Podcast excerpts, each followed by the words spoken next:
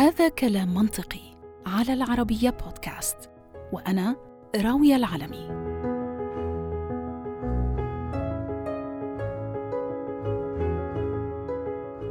كم شخص منا وعد نفسه بأنه ابتداء من العام الجديد رح يبدأ بممارسة الرياضة وقطع عهد على نفسه بأنه رح ياخد الموضوع على محمل الجد ورح يلتزم بهذا العهد. كم شخص منا بالفعل اشترك بأحد النوادي الرياضية ودفع ثمن الاشتراك وتشجع وذهب مرة واحدة فقط ثم توقف. والمحظوظين منا يمكن التزم بممارسة الرياضة لفترة قصيرة ثم توقف أيضاً. ضغوط الحياة والعمل وضيق الوقت كلها عوامل بتوقف عائق أمام إيفائنا بهذا العهد اللي منقطعه على أنفسنا كل عام.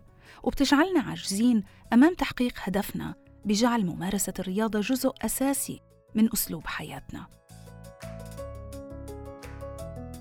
هاي معركة كل شخص مع ذاته. أما الحقيقة اللي ما بتتغير هي أنه ممارسة الرياضة بأي شكل من الأشكال ليست خيار يمكن التخلي عنه إذا أردت أن تحيا حياة صحية وإنك تدرأ قائمة لا تنتهي من الأمراض أو حتى تتعايش بأمان مع ما لديك من أمراض مزمنة بأقل الخسائر. للعلم فقط، المركز الأمريكي لدرء الأمراض والسيطرة عليها CDC بيوصي بضرورة ممارسة الرياضة بالنسبة للبالغين بمعدل ساعتين ونصف أسبوعياً من النشاط الهوائي المعتدل المفيد لصحة القلب يعني إيروبكس وإضافة أيضا ليومين على الأقل من النشاط المقوي للعضلات أسبوعيا يعني إذا جمعناهم مع بعض بيطلعوا حوالي أربع أيام ونصف في الأسبوع. ولكن للأسف يبدو وكأنه تخصيص مثل هذا الوقت أسبوعيا للنشاط البدني صعب كتير للبعض إن لم يكون مستحيل لكثيرين من الناس. ما بدي أخوض في أهمية الرياضة البدنية وكيفية توفير الوقت لممارستها. فزي ما ذكرت سابقا هاي معركة كل شخص مع ذاته واللي يريد حقا توفير هذا الوقت لا شك إنه رح يوجد طريقة لعمل ذلك. لكن في حلقتنا اليوم رح نتعرف سويا على ماذا يحدث لأجسامنا عندما نتوقف عن ممارسة الرياضة اللي اعتدنا على ممارستها. خلينا نفصل التغيرات اللي بتحصل بالجسم مع كل يوم وكل أسبوع إضافي بعد ما نتوقف عن ممارسة الرياضة اللي تعودت عليها أجسامنا. هناك مصطلح بالإنجليزي لوصف هاي الحالة وهو دي تريننج ما بعرف بالضبط شو ترجمته بالعربي ولكن الدكتور عادل رجولة أخصائي العلاج الطبيعي رح يشرح لنا هذه التغيرات وتبعاتها على صحة أجسادنا.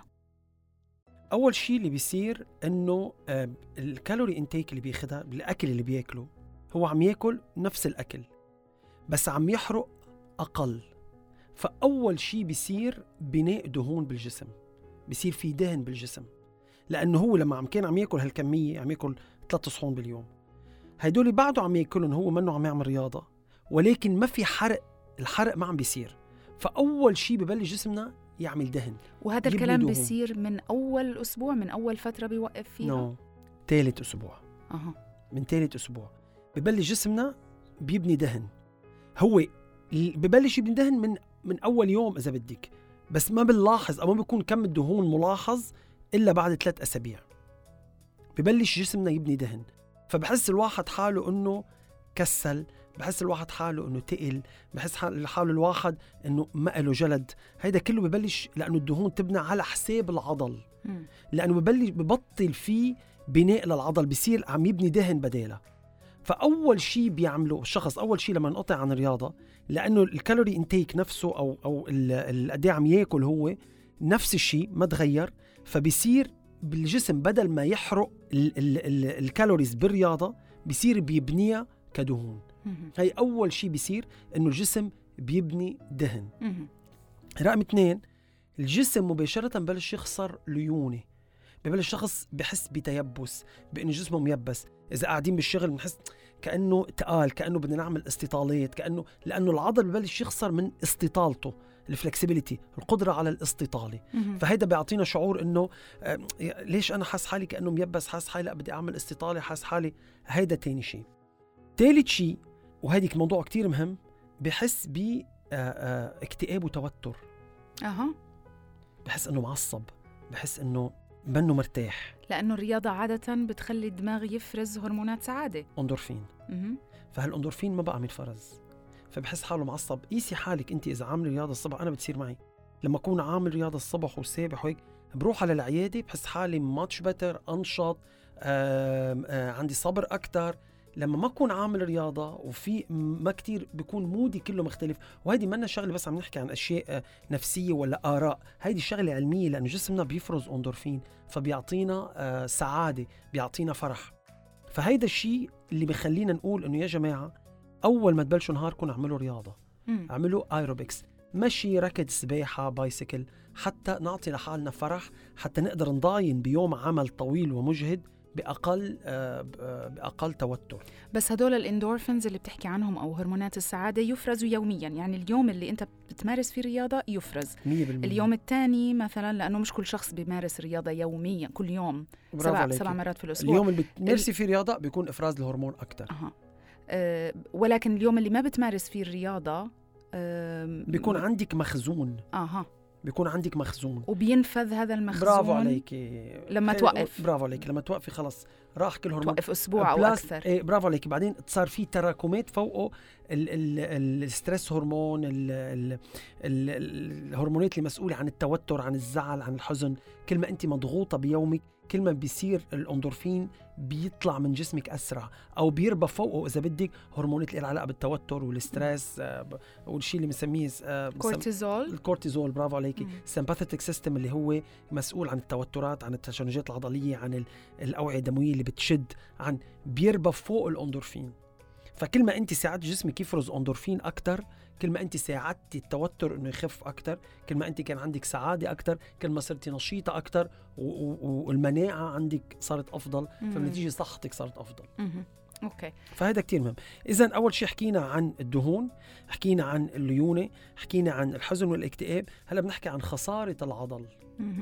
إمتى ببلش الجسم يخسر عضل بعد ثلاث أسابيع من توقيف رياضة من ثلاث أسابيع لشهر كل دراسة بتقول شيء في دراسة بتقول أسبوعين ولكن أغلب الدراسات بتقول ثلاث أسابيع لشهر ببلش ال- ال- ال- ال muscle mass أو قد إيه عنا عضل ببلش يخف إذا نحن منا عم نعمل رياضة. مم. يعني إذا جبنا عضلة قصيناها بالنص عارفه الموزات الموزات اللحمة. أكيد. ما انت شاطرة بال- باللحمة. يعني؟ إيه. الموزات إذا قصيناها إلى سماكة معينة إلى قطر معين اللحمة. هيدا نفس الشيء عضلاتنا ما عضلاتنا لحمة. فهي هيدا القطر تبعها بخف بيصغر. مم. بعد ثلاث أسابيع من عدم ممارسة الرياضة القطر تبع العضل تبعنا أو ال muscle mass بخف بيبنى فوقه شو؟ دهن. مم. هذا بيصير بعد ثلاث أسابيع إلى شهر من توقفنا عن الرياضة.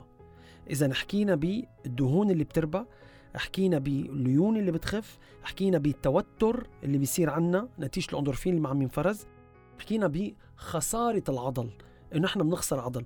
وأغلب الدراسات بتقول إنه من ثلاث أسابيع لشهر ولكن في دراسات بتقول آه، آه، أسبوعين ولكن أغلبها من ثلاث أسابيع لشهر. هيدا كله بيحصل.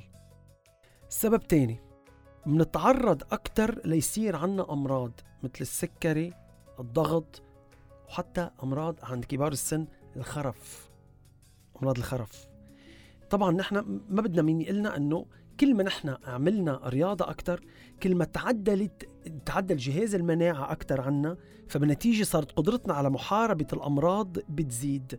ليش نحن بنقول حتى خلال فترة كورونا كنا نقول يا جماعة الشخص الرياضي اللي صحته سليمة حتى لو تعرض لكورونا بمناعته لأنه أعلى فبيقدر يحارب هيدا الفيروس أكتر وممكن ما يمرض ويضطر يدخل المستشفى برافو يعني. عليكي وممكن ما يمرض ويضطر يدخل المستشفى فانقطاعنا عن الرياضة بنعرض حالنا لأمراض أكتر ليه؟ لأنه جهاز المناعة عنا بخف مهم.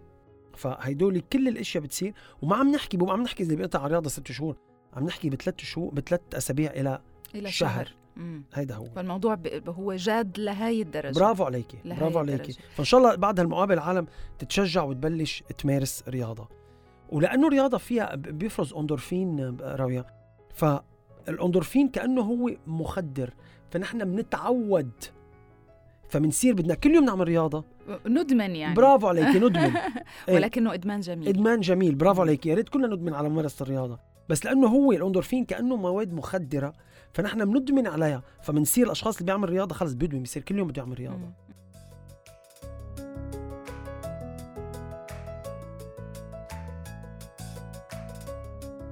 أولاً هاي التغيرات ممكن تبدأ من أول عدة أيام من التوقف عن ممارسة الرياضة ولكن سرعة حصولها بيتوقف على مستوى اللياقة البدنية للشخص في الأساس. فكلما كانت لياقتك أعلى كلما استغرق جسمك وقت أطول لفقدان هاي اللياقة. أيضاً سرعة فقدان اللياقة بيتوقف على عمر الشخص وعلى حالته الصحية يعني إذا بيعاني من أي أمراض مزمنة أو لا. وأيضاً على طول الفترة اللي توقف خلالها عن الرياضة ولكن بشكل عام هاي التغيرات بتبدأ من الأسبوع الأول. الرياضة بتزيد من إفراز الأكسجين بالجسم صح؟ okay. الأكسجين كتير مهم للدماغ. هو غذاء للدماغ لأنه بحفز من أفراز neurotransmitters كيف بدي أقولها بالعربي؟ يعني الموصلات أن- العصبية. شكرا يا وي ما شاء الله عنك يا روي صفقتني الموصلات العصبية بس جبتيها صح. عرفتي شو؟ فبنشط من حركة الموصلات العصبية اللي هي ضرورية لحركة لو لنشاط الدماغ. هيدا الأكسجين. فنحن إذا ما عملنا رياضة لوقت طويل بنحس إنه خليني أقول لك شغلة عارفة مرات مثلا لما تفوتي على meeting وبتحسي إنك انت كتير نشيطة وانك انت عندك استعداد لتقبل المعلومة أو بتفوتي على محاضرة عندك استعداد لتقبل المعلومة بتحسي حالك نشيطة أو بتفوتي مرات على محاضرة أو على meeting ما لك جلاد تعبان. تعبانة هيدا هو ال neurotransmitters هيدا هو. الموصلات العصبية لما تكون الموصلات العصبية عندنا. نشيطة. بسبب وجود الأكسجين اللي كتير عليها هيدا هو اللي بيعمل هذا النشاط. بتكون عمالها بتشتغل ب ب ب بالشكل ال- ال- السليم. الأقصى يعني. الأقصى إذا بدك. لحدها الأقصى برافو عليكي. شو اللي بيخليها تشتغل لحد الأقصى؟ الرياضة. مم. لأنه بتخ... بتساعد من إفراز الأكسجين للجسم ف وال... والدماغ هو جزء من هذا الجسم فبتعطينا كل هالنشاط والتركيز العالي بمهامنا اليومية. وإفراز الأكسجين في الجسم بيتأثر لما الواحد يتوقف عن ممارسة الرياضة من الأسبوع الأول أعتقد. من الأسبوع الأول بيصير باوجه بالاسبوع الثالث. مم. وهلأ في حزورة بدي احذرك إياها و- وبنحذرها لل... للمستمعين بس تنعرض الحلقة. آه يعني كل واحد يصير يعطي من عنده يفكر اجابه في الموضوع. يفكر بالموضوع. فإذا حكينا نشاط الدماغ. حنحكي موضوع كمان كتير مهم النوم. مم. نحن لما نعمل رياضة أنسجتنا بتتعب. فالجسم بده يحارب كرمال يشفي أو يداوي هذه الأنسجة صح؟ أكثر المواد المسؤولة عن إفراز الهرمونات والأنزيمات المسؤولة عن شفاء الأنسجة تفرز نحن بمرحلة النوم العميق. أها. باكثر مرحلة نوم عميق خلال الليل. لما نحن ما نتعب وما نعمل رياضة وأنسجتنا ما تتعب الجسم ما بي ما بيحس إنه بحاجة لإنه يفرز هيدي المواد فما بحس الجسم إنه بحاجة ليروح للمراحل العميقة بالنوم. أها. فهذا بيأثر على طبيعة النوم تبعنا. وطبعا خلال المراحل العميقة للنوم في كتير آه، وظائف بتصير بالجسد مهمة ل- لتجديد الخلايا برافو عليك و- هيدي اللي عم نحكي عنه تجديد. الخلايا مم. اللي هو اللي بتشفي الجسم تبعنا. فالجسم ما بحس إنه بحاجة ليروح لمراحل النوم العميق إذا ما عم يتأذى إذا بدك أو ما عم يت... ما عم يتعب. يتعب فبأثر على نوعية النوم تبعنا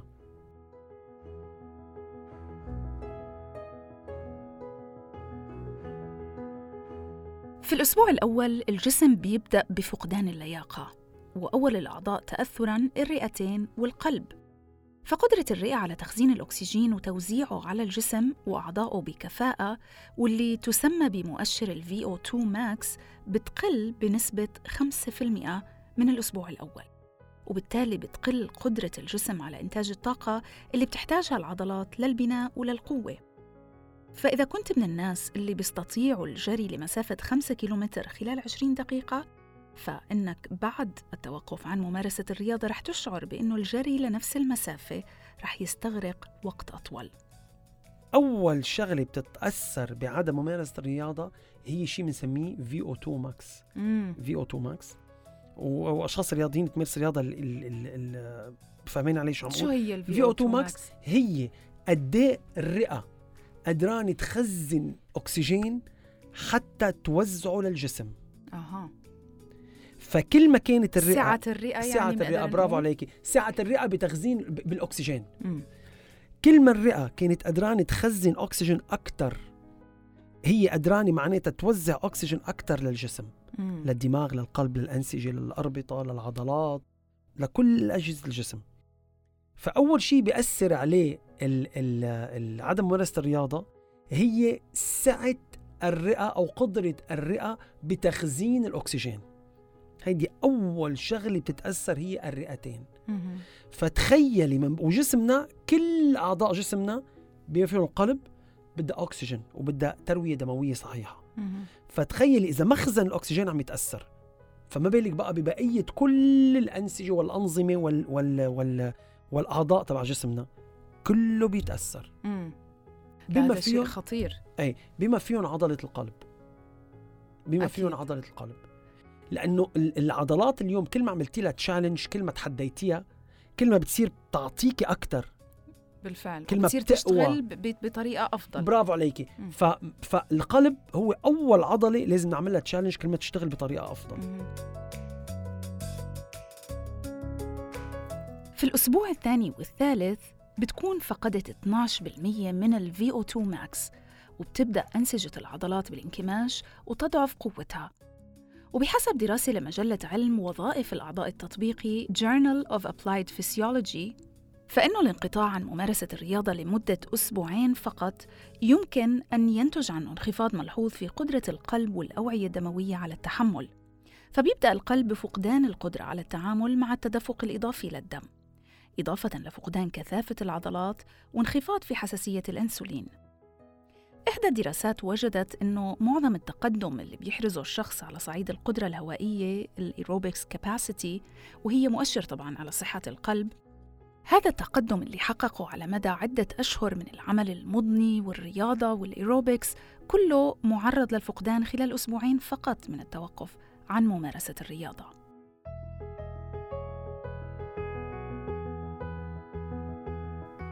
في الفترة ما بين الأسبوع الرابع والأسبوع السابع بيفقد الجسم 15% من قدرته على توزيع الأكسجين ال VO2 max.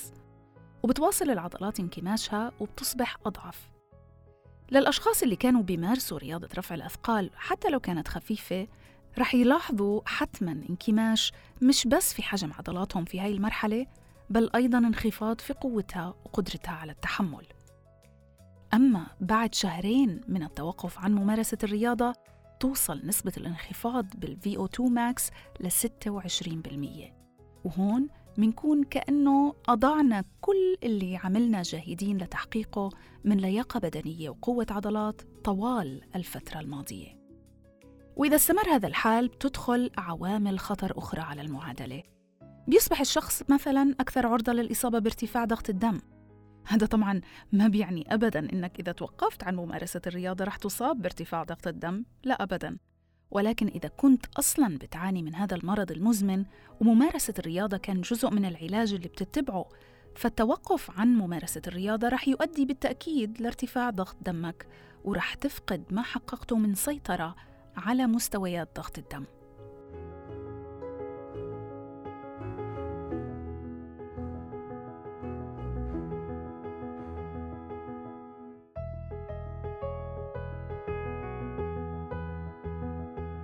دكتور شو بالنسبة للناس اللي بيستخدموا ممارسة الرياضة كنوع من أنواع العلاج لبعض الأمراض؟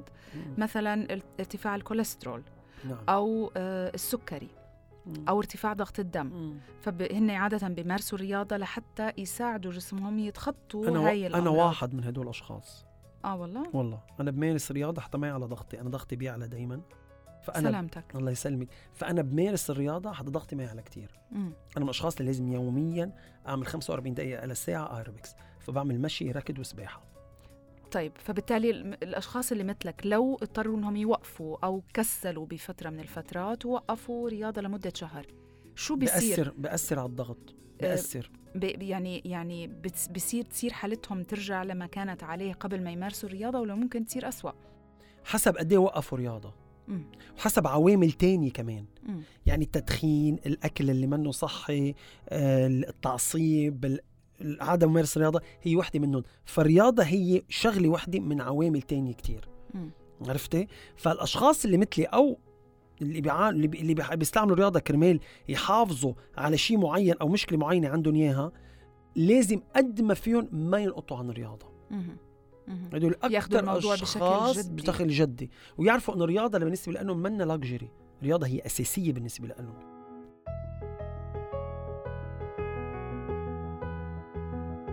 من عوامل الخطر الأخرى ارتفاع نسبة الدهون والسكر في الدم. عادة نسبة السكر في الدم بترتفع بعد تناول الطعام، وبعدين بتبدأ بالانخفاض مع امتصاص العضلات والأنسجة الأخرى لهذا السكر لإنتاج الطاقة. فبالتالي إذا توقف الشخص عن الحركة وممارسة الرياضة، هذا بيعني إبقاء مستويات السكر مرتفعة في الدم حتى بعد حين من تناول الطعام.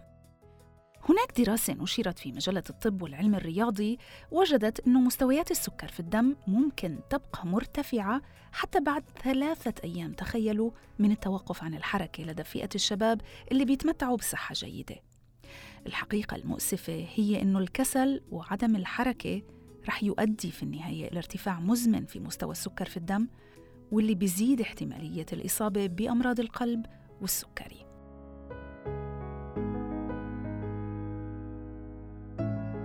أحد عوامل الخطر أيضاً هو الإصابة بالسمنة فمع الانقطاع عن ممارسة الرياضة بيتراكم الوزن الزائد وتصبح عملية الأيض أو الحرق أبطأ. فعندما لا تمارس النشاط البدني يصبح جسمك بحاجة لسعرات حرارية أقل طبعاً. وكلما فقدت المزيد من حجم العضلات كلما أصبحت عملية الحرق داخل جسمك أقل نتيجة لفقدان العضلات القدرة على حرق السكر. بالتالي إذا ما عدلت وخفضت عدد السعرات الحرارية اللي بتتناولها بعد توقفك عن الرياضة فالنتيجة الحتمية رح تكون تخزين هاي السعرات الزائدة في الجسم كدهون خصوصاً في منطقة البطن والنتيجة أيضاً زيادة حتمية في الوزن. تخيلوا أيضاً أنه أحد تبعات التوقف عن النشاط البدني بيجعلك أكثر عرضة للإصابة بالاكتئاب. من المهم جدا لفت الانتباه إلى أنه هاي التغيرات بتكون أشد وأسرع عادة مع التقدم في العمر.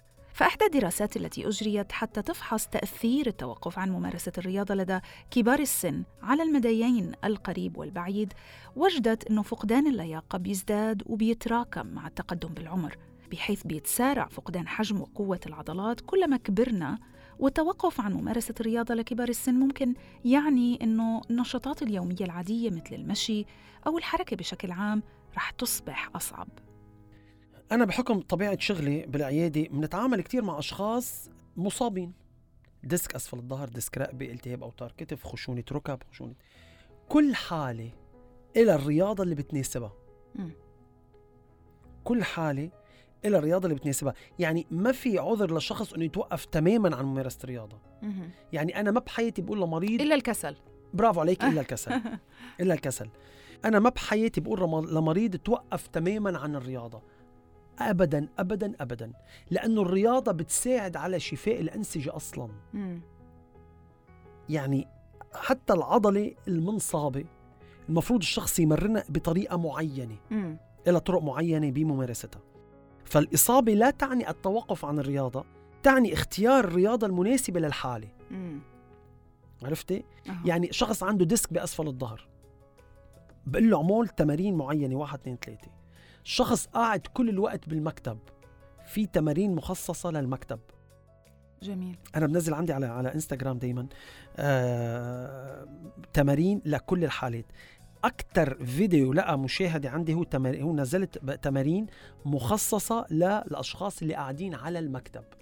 تمارين يعملوها. آه طبعا لأنه في كتير ناس بيشتغلوا ساعات طويلة وما بيقدروا يمارسوا رياضة برافو قبل عليكي. قبل الدوام أو بعد الدوام برافو. عليك فبالدوام في رياضات معينة يمارسوها. أها. جميل. فعلى طول في رياضات معينة تمارس لكل شخص. بعرف بإيش بتفكروا هلأ. يعني يمكن بتفكروا بإنه إذا كان مخاطر وأضرار التوقف عن ممارسة الرياضة بهذا الحجم فيمكن من الأجدى إنه ما أمارسها أصلا. ما دمت أنا شخص طبيعي وصحي لا أعاني من أي أمراض أو زيادة في الوزن. صح؟ هيك عم بتفكروا؟ الحقيقة من واقع بحثي اكتشفت أنه تبعات عدم ممارسة الرياضة أصلاً خطيرة وبتتسارع كلما تقدمنا في العمر.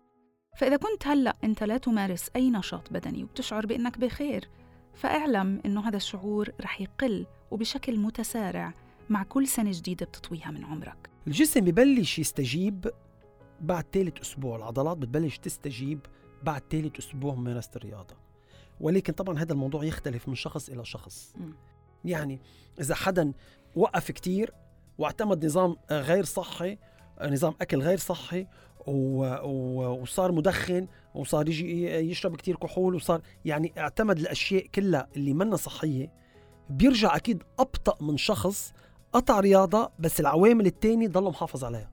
قطع رياضة بس ما صار ياكل كتير ما تتابع نظام منه صحي ما فحسب كل شخص عمره آه بدي لك شغلة كمان راوية كتير مهمة العامل الوراثي. م. كتير مهم كتير مهم. وهذا شيء مش في إيدنا ما للأسف. بإيدنا برافو عليكي يعني أنا من الأشخاص اللي وراثيا في عنا هيستوري ضغط عالي بالعائلة. يعني ضغط العالي ما له سبب ما له سبب وراثيا. نعم. عرفتي؟ في أشخاص وراثيا عندها بناء عضلي قوي. وفي ناس لا. وفي ناس لا. واللي ما عندهم مضطرين إنهم يشتغلوا أكثر برافو عليكي فوراثيا العامل الوراثي كتير بيلعب آه، دور بكتير أمور بحياتنا بكتير أمور بحياتنا. فالأشخاص مرات مثلا في ناس بتقلي مثلا دكتور طب أنا عم بعمل رياضة وعم بتعب بعمل هيك بس العضل تبعي شوي شوي عم ما بسرعة عم لاقي فرق. هيدا عامل وراثي هيك هن عضلاتهم. مم. وفي ناس بتلاقيها بتعمل مرتين بالأسبوع رياضة بتلاقيها بعد شهر كتير فرقت. مم. فهيدا يختلف من شخص إلى شخص. أوكي. اولا بالعامل الوراثي ثانيا بأمور تانية عم عم عم تساعد أو عم تساهم. الأكل الصحي النوم النوم كتير مهم للرياضيين. مم. لكل شخص النوم كتير مهم. أكيد طبعا. عرفتي شو؟ طبعا. ال- الإقلاع عن التدخين عدم تناول الكحول عد... يعني كل هيدي الأمور. الأهم من هذا كله والحقيقة اللي بصراحة تدعو للأمل هي إنه عودتك لنفس مستوى اللياقة البدنية وإنت في أوج نشاطك البدني مش بالأمر الصعب لهاي الدرجة. وما رح يستغرق ذات الوقت اللي استغرقوا بناء هاي اللياقة في الأساس. ليش؟ لأنه الله سبحانه وتعالى أنعم علينا بشيء اسمه ذاكرة العضلات أو muscle memory. عضلاتنا عندها خلايا خاصة داخل أنسجتها بتستطيع أنها تتذكر التمارين وحجم العضلة في السابق وبالتالي في اللحظة اللي بتعود فيها لممارسة الرياضة رح تستطيع أنه تستعيد حجم وقوة عضلاتك في فترة أقصر. ولهذه المرحلة بينصح الخبراء بأنه تعود تدريجياً للنشاط البدني حتى تتفادى الإصابة وأن تتحلى بالصبر أيضاً والإصرار لحتى تستعيد لياقتك وقوتك بشكل كامل. نحن لما نقوي العضل في صورة بالدماغ انرسمت لهيدا العضل. لهيدا العضل. بعد ما آه، يعني بشكله الجديد المحسن. بشكله الجديد. برافو عليكي. بشكله الجديد. ودماغنا ذكي. دماغ البني آدم ذكي وال memory تبعيتنا قوية جدا. بتلزق. فونس هالشخص لسبب معين اضطر يتوقف مثلا 12 أسبوع 8 أسابيع. عم نحكي إذا كان في كسور وبنضطر مرات نقول له مريض ما تدعس على أجرك 8 أسابيع أو 12 أسبوع. وانس رجع يمارس الرياضة الدماغ دغري رح يلقط صورة العضل القديمة براسه بذاكرته. فالرجوع للقبل لكيف كانت العضلة قبل بيكون كتير أسرع من. شخص منه مقوي هيدي العضلة أصلا مم. اللي هو recovery period بنسميها التشافي الشخص اللي عضلاته قوية وبيعمل رياضة التشافي عنده بيكون كتير أسرع من شخص أصلا ما كان يمارس رياضة. مهم. لأنه مثل ما تفضلتي في ال muscle memory. في إنه هيدي العضلة دماغ مذكرة إنه هي عضلة قوية. قد إيه بتضلها موجودة هاي ال muscle memory 12 أسبوع. أنت ذكرت مثلا تقريباً- 12 أسبوع تقريباً، ولا إيه. ممكن تقعد أكثر يعني؟ تقريبا تقريبا 12 أسبوع بعدين بلش تضعف. أها. تقريبا 12 أسبوع. 12 أسبوع اللي أنت عم يعني تحكي حوالي ثلاث ثلاث شهور. اشهر ثلاث شهور بت بت بتبلش تضعف. بتبلش تضعف. و- ببلش العقل ينسى كيف كان برافو عليك كيف كان الشكل الشكل الأساسي للعضله للعضل. للعضلة صح. المحسنة. صح.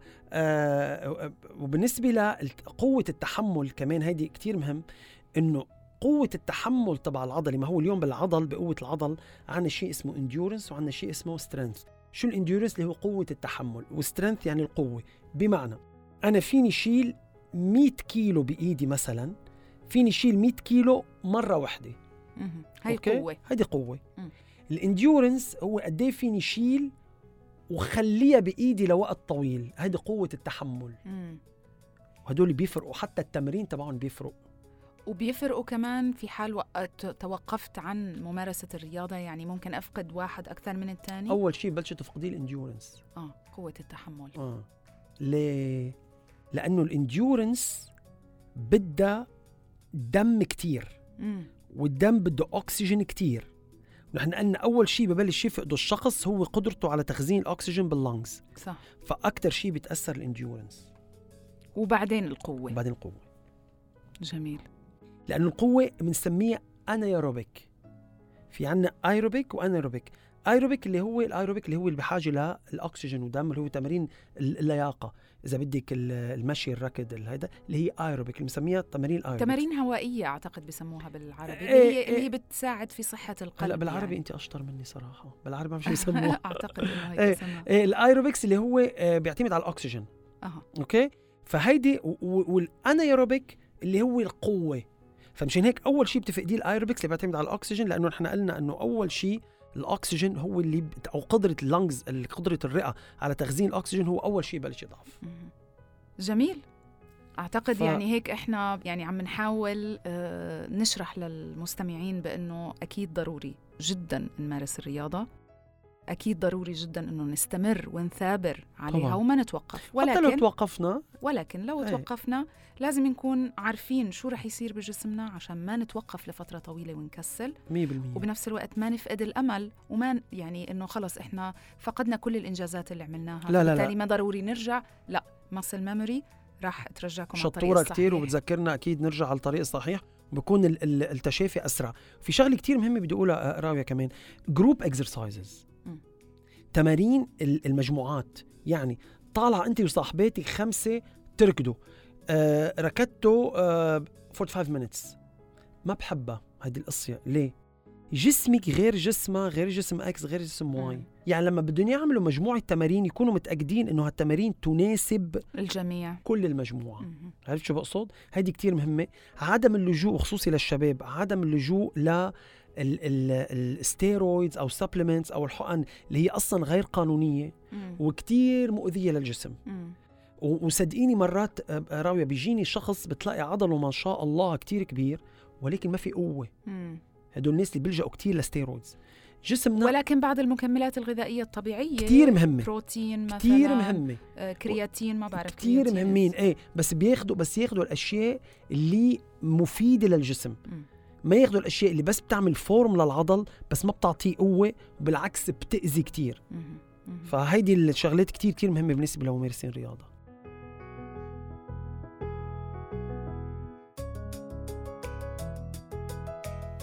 في ختام حلقتنا.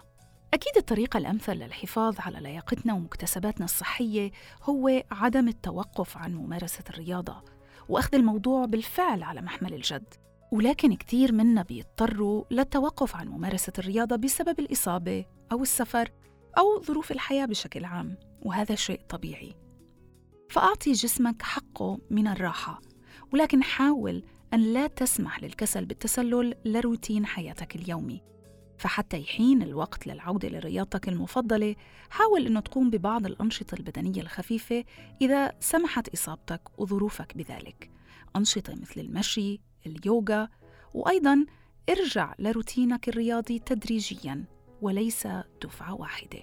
ودمتم دائماً بصحة ولياقة بدنية أعلى. هذا كلام منطقي على العربية بودكاست. وأنا راوية العلمي. أشكركم. ودمتم دائما بأمان. بإذن الله.